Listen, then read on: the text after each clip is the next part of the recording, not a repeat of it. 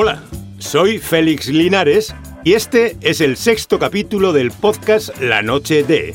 Seguro que muchos de ustedes han visto la película La Huida, dirigida en 1972 por el gran Sam Peckinpah y protagonizada por Steve McQueen y Ali McGraw. Y quizá recuerden que en ese rodaje la pareja comenzó una relación sentimental. Pero ¿sabían que la actriz estaba casada en ese momento con el productor más importante de Hollywood? Ese triángulo amoroso fue un escándalo monumental, y por eso hablaremos luego de todo ello en una sección nueva que va a titularse Los mayores escándalos de la historia del cine. Y en la sección clásica de Los vascos conquistan Hollywood, presentaremos algunas meteduras de pata de película relacionadas con algunos de nuestros vascos más ilustres.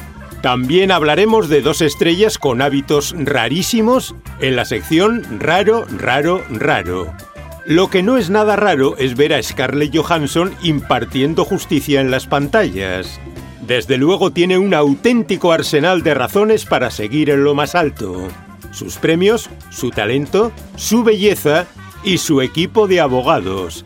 Y es que hace solo unos meses sus abogados han hecho hincar la rodilla a la todopoderosa compañía Disney. ¿Cómo lo ha hecho y por qué Scarlett estaba enfrentada con Disney en los tribunales? Es algo que desvelaremos ahora mismo en un divertido reportaje sobre las armas de Scarlett Johansson.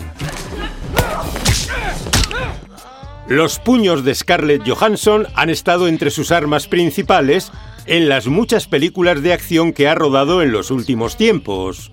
Para dar la talla en ellas, entrenó muy duramente practicando boxeo, kickboxing y jiu-jitsu brasileño, entre otras artes marciales. Y vimos el resultado de su entrenamiento, por ejemplo, en la película Viuda Negra. Pero para este film, Scarlett también puso en marcha otra poderosísima arma, sus abogados. ¿Y eso qué significa? Significa que la actriz demandó a Disney, la todopoderosa compañía productora de Viuda Negra. Y es que según su contrato, Scarlett Johansson debía llevarse como parte del salario un porcentaje de los ingresos en taquilla de esta película. Pero los jefazos de Disney decidieron por su cuenta estrenarla en plataformas digitales a la vez que en los cines. Y eso hizo que muchos espectadores prefirieran verla desde casa lo que provocó un descenso tan grande de la recaudación en cines que se calcula que Scarlett dejó de ganar unos 30 millones de dólares, que debían ser suyos por contrato. Lo tengo controlado. Enfrentarse a una empresa tan grande como Disney parecía un suicidio, pero esta actriz le echó valor y ha salido ganando, porque al final Disney le ha ofrecido un acuerdo extrajudicial con cifras no reveladas para no tener que ir a los tribunales. Así que Scarlett ha logrado el triunfo en este duelo.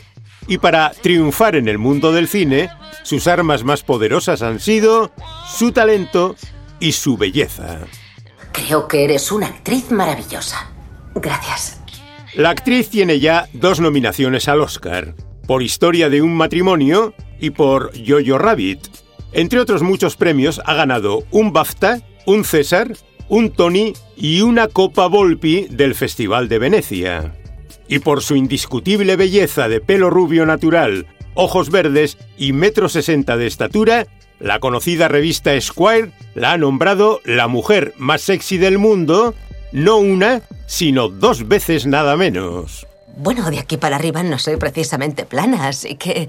Su seductora presencia le ha ayudado a obtener contratos publicitarios con los que ha ganado más de 40 millones de dólares anunciando sobre todo moda y cosméticos. Y ya que hablamos de cosméticos, ella misma reconoce que una de sus armas ha sido el maquillaje, porque gracias a él pudo mantener en secreto un llamativo problema de salud. ¿Qué quieres decir con eso? Queremos decir que Scarlett ha sufrido brotes muy agresivos de acné adulto, más infrecuente, pero a menudo más grave que el acné adolescente.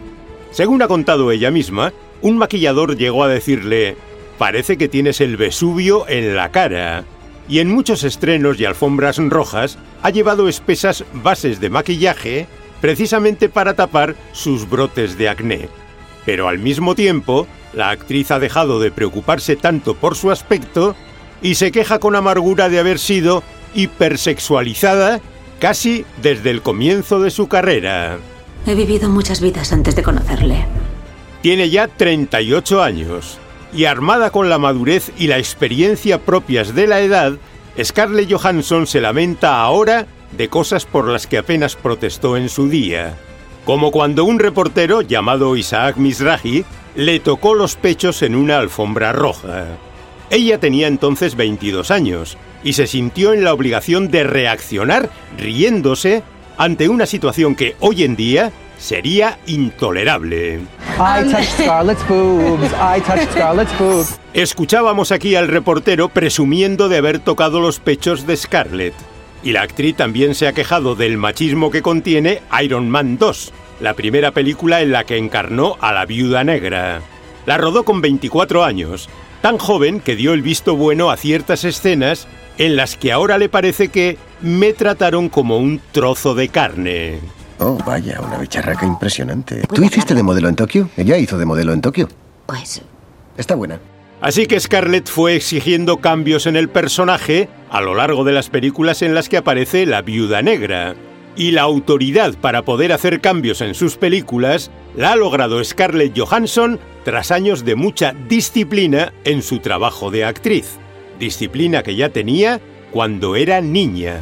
Anda que no posa. Scarlett Ingrid Johansson nació en el barrio neoyorquino de Manhattan y tenía solo nueve añitos cuando se presentó a su primer casting. La niña fue encadenando trabajos y así la vimos crecer ante las cámaras. Y con la disciplina de un adulto, estudió primero en la Professional Children's School, una escuela para niños que ya son profesionales del espectáculo, y luego entró en el Instituto Lee Strasberg de Interpretación, que es una de las escuelas de arte dramático más respetadas del mundo. Brindemos. Brindemos. Campai. Con su disciplinada formación, la chica brilló como actriz adulta en Los in Translation, y mientras alcanzaba la fama, logró mantener los pies en el suelo con la ayuda de su familia, sobre todo de su madre, que durante años fue también su agente y representante. Scarlett es la tercera de cuatro hermanos, y el más joven es su hermano mellizo, que vino al mundo tres minutos después de que naciera la actriz, y que hoy en día mide 1,91, así que su hermano es 30 centímetros más alto que ella, a pesar de ser mellizos. Si alguien me observara cualquier día como madre, no me daría nunca la custodia. Dos hijos ha tenido Scarlett Johansson a lo largo de sus tres matrimonios. Su primer marido fue el actor Ryan Reynolds, pero solo estuvieron 15 meses casados. Su segundo esposo fue el periodista francés Romain Doriac. Estuvieron dos años casados y tuvieron una hija. Y su segundo hijo lo ha tenido con su tercer y actual esposo, Colin Jost. Llevan dos años casados. Él es un cómico bastante conocido en Estados Unidos, al que algunos tachan de ser un poco soso. Tienes un pésimo gusto para los hombres. Él no es tan malo. Pero quizá el arma más poderosa del arsenal de Scarlett sea su valentía a la hora de abordar cualquier tipo de proyecto, como Asteroid City, la última película del director de culto Wes Anderson, que se estrena en cines el mes de junio y que Scarlett ha rodado como protagonista en el municipio madrileño de Chinchón, quizá el último lugar donde uno espera toparse con una actriz de la talla de Scarlett Johansson. Has sido muy amable. Un placer. El placer ha sido nuestro, Scarlett. Ahora vamos con una de las secciones clásicas de la noche D. Es la sección de Vascos en el cine y hoy tenemos increíbles meteduras de patas sobre Juan Sebastián Elcano y algunos divertidos ejemplos de vascos que han hecho las Américas. Es la sección Los vascos conquistan Hollywood. Argentina Aranoa. A mi citera. Los vascos conquistan Hollywood y el resto de América. Y así lo mostraba en clave de humor la divertida comedia El Vasco, dirigida por el bermeano Javi Elortegui. Se estrenó en cines en octubre de 2022. EITV participa en la producción y en ella un joven vasco emigra a Argentina para buscar trabajo, siendo recibido como un héroe por los descendientes de vascos que viven allí, que al haber crecido lejos de Euskadi, tienen idealizado todo lo vasco. Te viniste hasta la otra punta del mundo, pero te vas a sentir como en casa. El vasco se rodó en la provincia argentina de Mendoza, y allí, como en toda América, podemos encontrar descendientes de los 10.000 pastores vascos que cruzaron el Atlántico a finales del siglo XIX.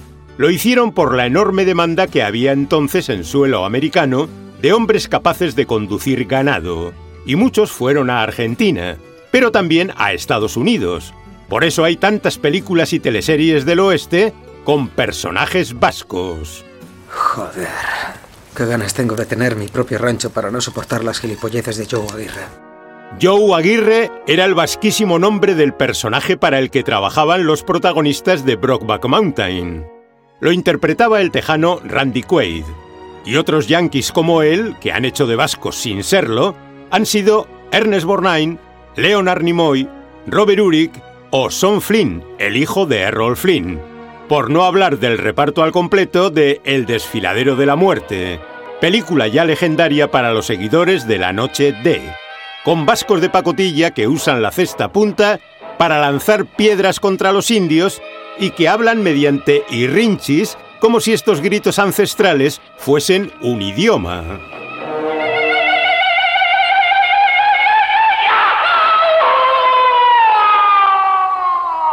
dice que nos encontramos cerca del río Missouri. Pero además de pastores, también hubo grandes marinos vascos en Norteamérica. Hay pruebas, por ejemplo, de que nuestros balleneros ya faenaban en las canadienses costas de Terranova en el año 1517, tan solo 25 años después del llamado descubrimiento de Cristóbal Colón y cinco años antes de que se completara la primera vuelta al mundo, capitaneada por el ya mítico navegante de Guetaria, JSE, Juan Sebastián Elcano. A Juan Sebastián Elcano se le menciona en la película Uncharted, protagonizada por Mark Wahlberg y Tom Holland. Y ese film está repleto de asombrosas referencias vascas. ¿De qué estás hablando? Hablamos de que en Uncharted los protagonistas buscan un cargamento de oro cuya ubicación exacta podría estar indicada en el diario de Juan Sebastián Elcano. Y en su búsqueda del diario, Mark Wahlberg reconoce haber buscado también la tumba de Elcano en la ciudad de San Sebastián. Lo explican en este diálogo. ¿Dónde está? ¿De cuándo es esto? De hace unos dos años en San Sebastián, España. Buscábamos la tumba del Cano, donde Sam estaba seguro de que estaría su diario, y en él el paradero de ese oro. En la vida real jamás encontrarían ese oro, entre otras cosas, porque Juan Sebastián Elcano no tiene una tumba, ni en San Sebastián ni en ningún otro lugar. Y es que Elcano murió en el Océano Pacífico durante otra de sus travesías y echaron su cuerpo al mar. Lo mató, por cierto, el escorbuto en el año 1526. Y sobra decir que toda la trama de Uncharted, con los barcos del Cano albergando todavía el oro, es pura ficción. Estos barcos valen una fortuna. Si les hacéis un agujero, yo os lo haré a vosotros. Pero quizá lo más curioso de esta trama de ficción es que después de todo, la clave para encontrar el tesoro no está escondida en ningún diario, sino en una postal de San Sebastián la clásica postal donostiarra con la bahía de la Concha y el monte Urgul. En esa postal, típica donde las haya, se esconde la pista final para encontrar el oro de Elcano. Eso lo vimos en Uncharted. Hay todo un mundo que no has visto, pero lo verás. Lo que seguro que han visto ustedes es el film La Huida, todo un clásico de los años 70 del siglo pasado, dirigido por Sam Peckinpah y protagonizado por Steve McQueen y Ali McGraw.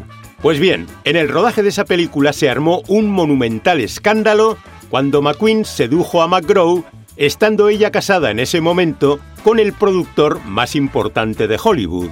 Desvelamos todos los detalles de este cisco en una nueva sección sobre los mayores escándalos de la historia del cine. Tú quédate aquí. Lo resolveré en un momento. No resolvió tan fácilmente Steve McQueen el escándalo monumental que sacudió su carrera mientras este mítico actor rodaba La huida. Esta magnífica película supuso otro gran éxito tras los taquillazos de Bullet, El caso Thomas Crown, La gran evasión o Los siete magníficos. Con ese carrerón y un físico de ojos azules, pelo rubio y metro 77, McQueen llegó a ser el actor más famoso del mundo. Y además fue nominado al Oscar de Mejor Actor Principal por El Janse en Llamas.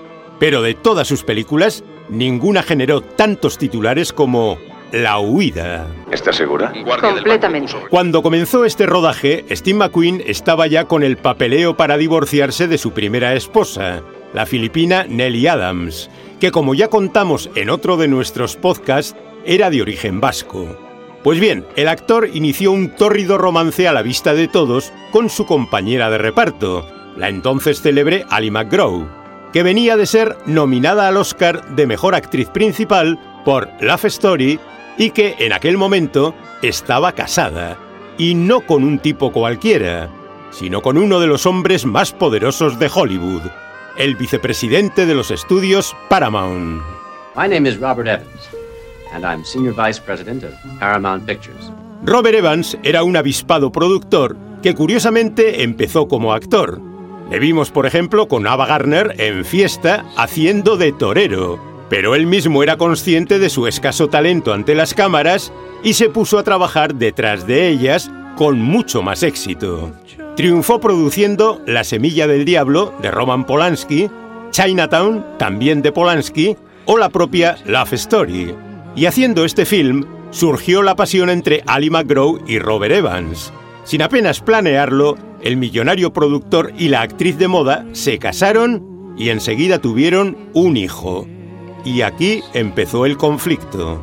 Porque Ali McGraw quería dejar a un lado su carrera por un tiempo para dedicarse al bebé. Pero Robert Evans, pensando como productor, se empeñó en que su esposa tuviera un nuevo estreno cuanto antes mientras durara la fama de Love Story. Y así fue como esta actriz, presionada por su marido, acabó rodando la película que rompió su matrimonio. Puedo enamorar a todos los oficiales de prisiones de Texas si quiero. Texas es un estado muy grande. La huida se rodó en Texas, y mientras Ali McGraw estaba allí, Robert Evans se encontraba en Nueva York produciendo nada menos que El Padrino.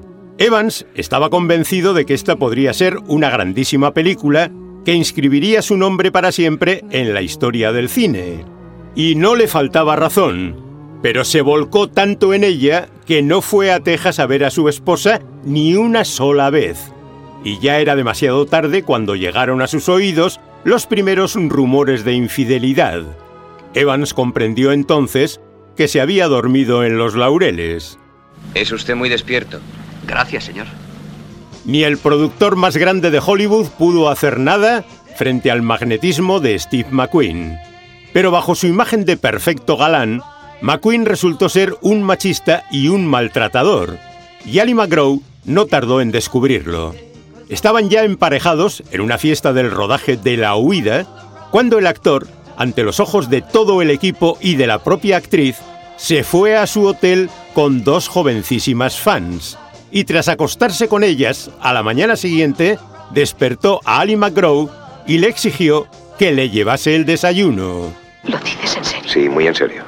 Y lo peor de todo es que Ali se lo llevó. La propia actriz narró ese humillante episodio y otros aún peores en un libro autobiográfico.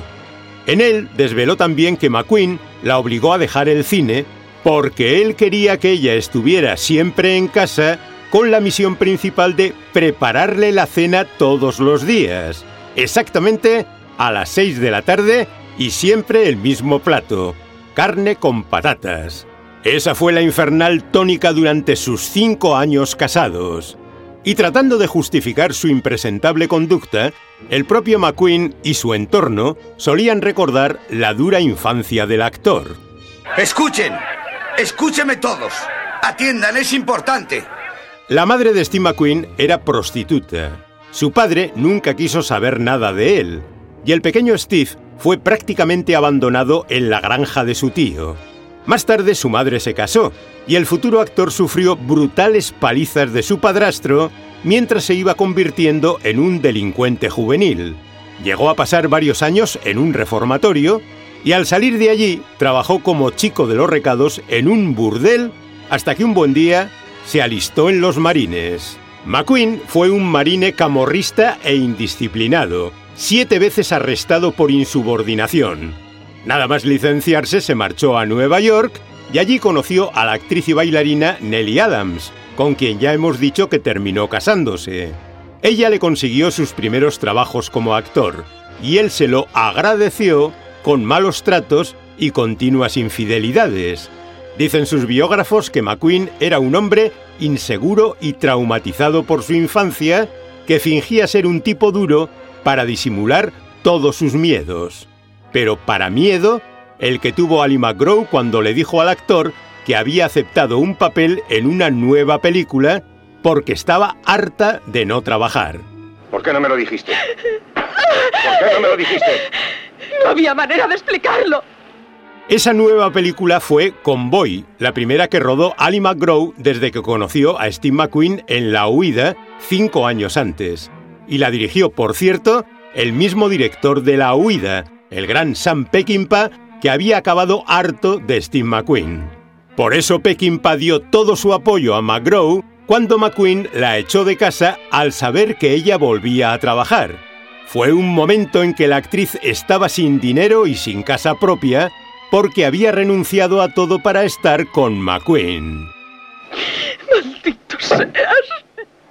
Apenas dos años después de su divorcio de Ali McGraw, Steve McQueen murió de cáncer de pulmón con solo 50 años de edad. Y McGraw siguió con su carrera, aunque nunca recuperó la fama que había alcanzado justo antes de casarse con McQueen. Pero sí que mantuvo por lo menos una buena relación con su ex Robert Evans. Evans murió en 2019, con 89 años de edad, por complicaciones derivadas de un derrame cerebral. Mientras que Ali McGraw, con 84 años y aparentemente saludable, vive ahora lejos de Hollywood en un remoto pueblecito de Nuevo México, alejada de los focos y de los romances, porque lleva 30 años sin pareja conocida, quizá porque acabó hasta el gorro del amor, pese a haber pronunciado en Love Story la frase romántica más famosa de la historia del cine. Amar significa no tener que decir nunca lo siento. Dejemos el amor aparcado por un rato y vayamos con dos estrellas muy raras. Una de ellas tiene un ritual rarísimo y si no lo cumple, no sale de su camerino. Y la otra tiene en su casa una colección rara de narices. Una colección de... Bueno, mejor lo descubren en nuestra sección Raro, raro, raro. Ahora verás. Mira. Raro, raro, raro es el afán de coleccionismo que tiene Johnny Depp porque el actor de Piratas del Caribe se ha gastado miles de dólares no solo en casas, en coches y en una vida de lujo, sino también en una colección de juguetes. Y es que Johnny, icono de la masculinidad para muchos, colecciona muñecas Barbie. Muy interesante. Está tan interesado en esas muñecas que tiene ya varios centenares. Algunas son tan raras y antiguas que ha tenido que comprarlas en casas de subastas porque a estas alturas son casi piezas de museo. Y las más caras de su colección son una Barbie Britney Spears y un Ken Elvis Presley. Dos muñecos de los que apenas quedan ejemplares en el mundo porque fueron ediciones limitadas. Johnny Depp empezó la colección comprando muñecas para su hija, Lily Rose Depp, pero el propio Johnny acabó aficionándose a ellas y hasta jugaba con las Barbie, algo que no pudo negar en esta entrevista. You enjoy playing with Barbie dolls. Well, not as much as I used to, let's say. Dice Johnny que ya no juega tanto como antes con las Barbie. En fin. Pero todavía más raro es lo que les vamos a contar ahora sobre otro conocidísimo actor, aparentemente rudo y valiente en sus papeles más famosos, que tiene sin embargo una curiosa superstición con el número 3, y no se atreve a salir de su camerino ni a recitar una sola línea de diálogo si antes no cumple con un peculiar ritual del 3. Parece increíble, pero... Es cierto. Este actor supersticioso es Kit Harrington, el hombre que encarnó al aguerrido John Nieve en la ya mítica teleserie Juego de Tronos. Y por muy osado que parezca en las pantallas, Harrington nunca sale de su camerino sin cumplir su extraño ritual del número 3. que tiene, por supuesto, tres fases. La primera es besar tres veces un crucifijo que tiene colgado en la puerta del camerino. La segunda es comer tres gominolas. Y la tercera y última fase es beber tres tragos de agua. Un ritual tan elaborado y absurdo que al actor que hizo de John Nieve dan ganas de decirle esto. No sabes nada, John Nieve. Dejamos al señor Nieve con sus manías raras, raras, raras y nos despedimos de todos ustedes hasta la próxima entrega de este podcast. La Noche de es un podcast producido por Zoomin para EITV Podcast. Presenta un servidor, Félix Linares. El guion es cosa de David Erauskin y Eduardo Llorente, y dirige el propio Eduardo Llorente.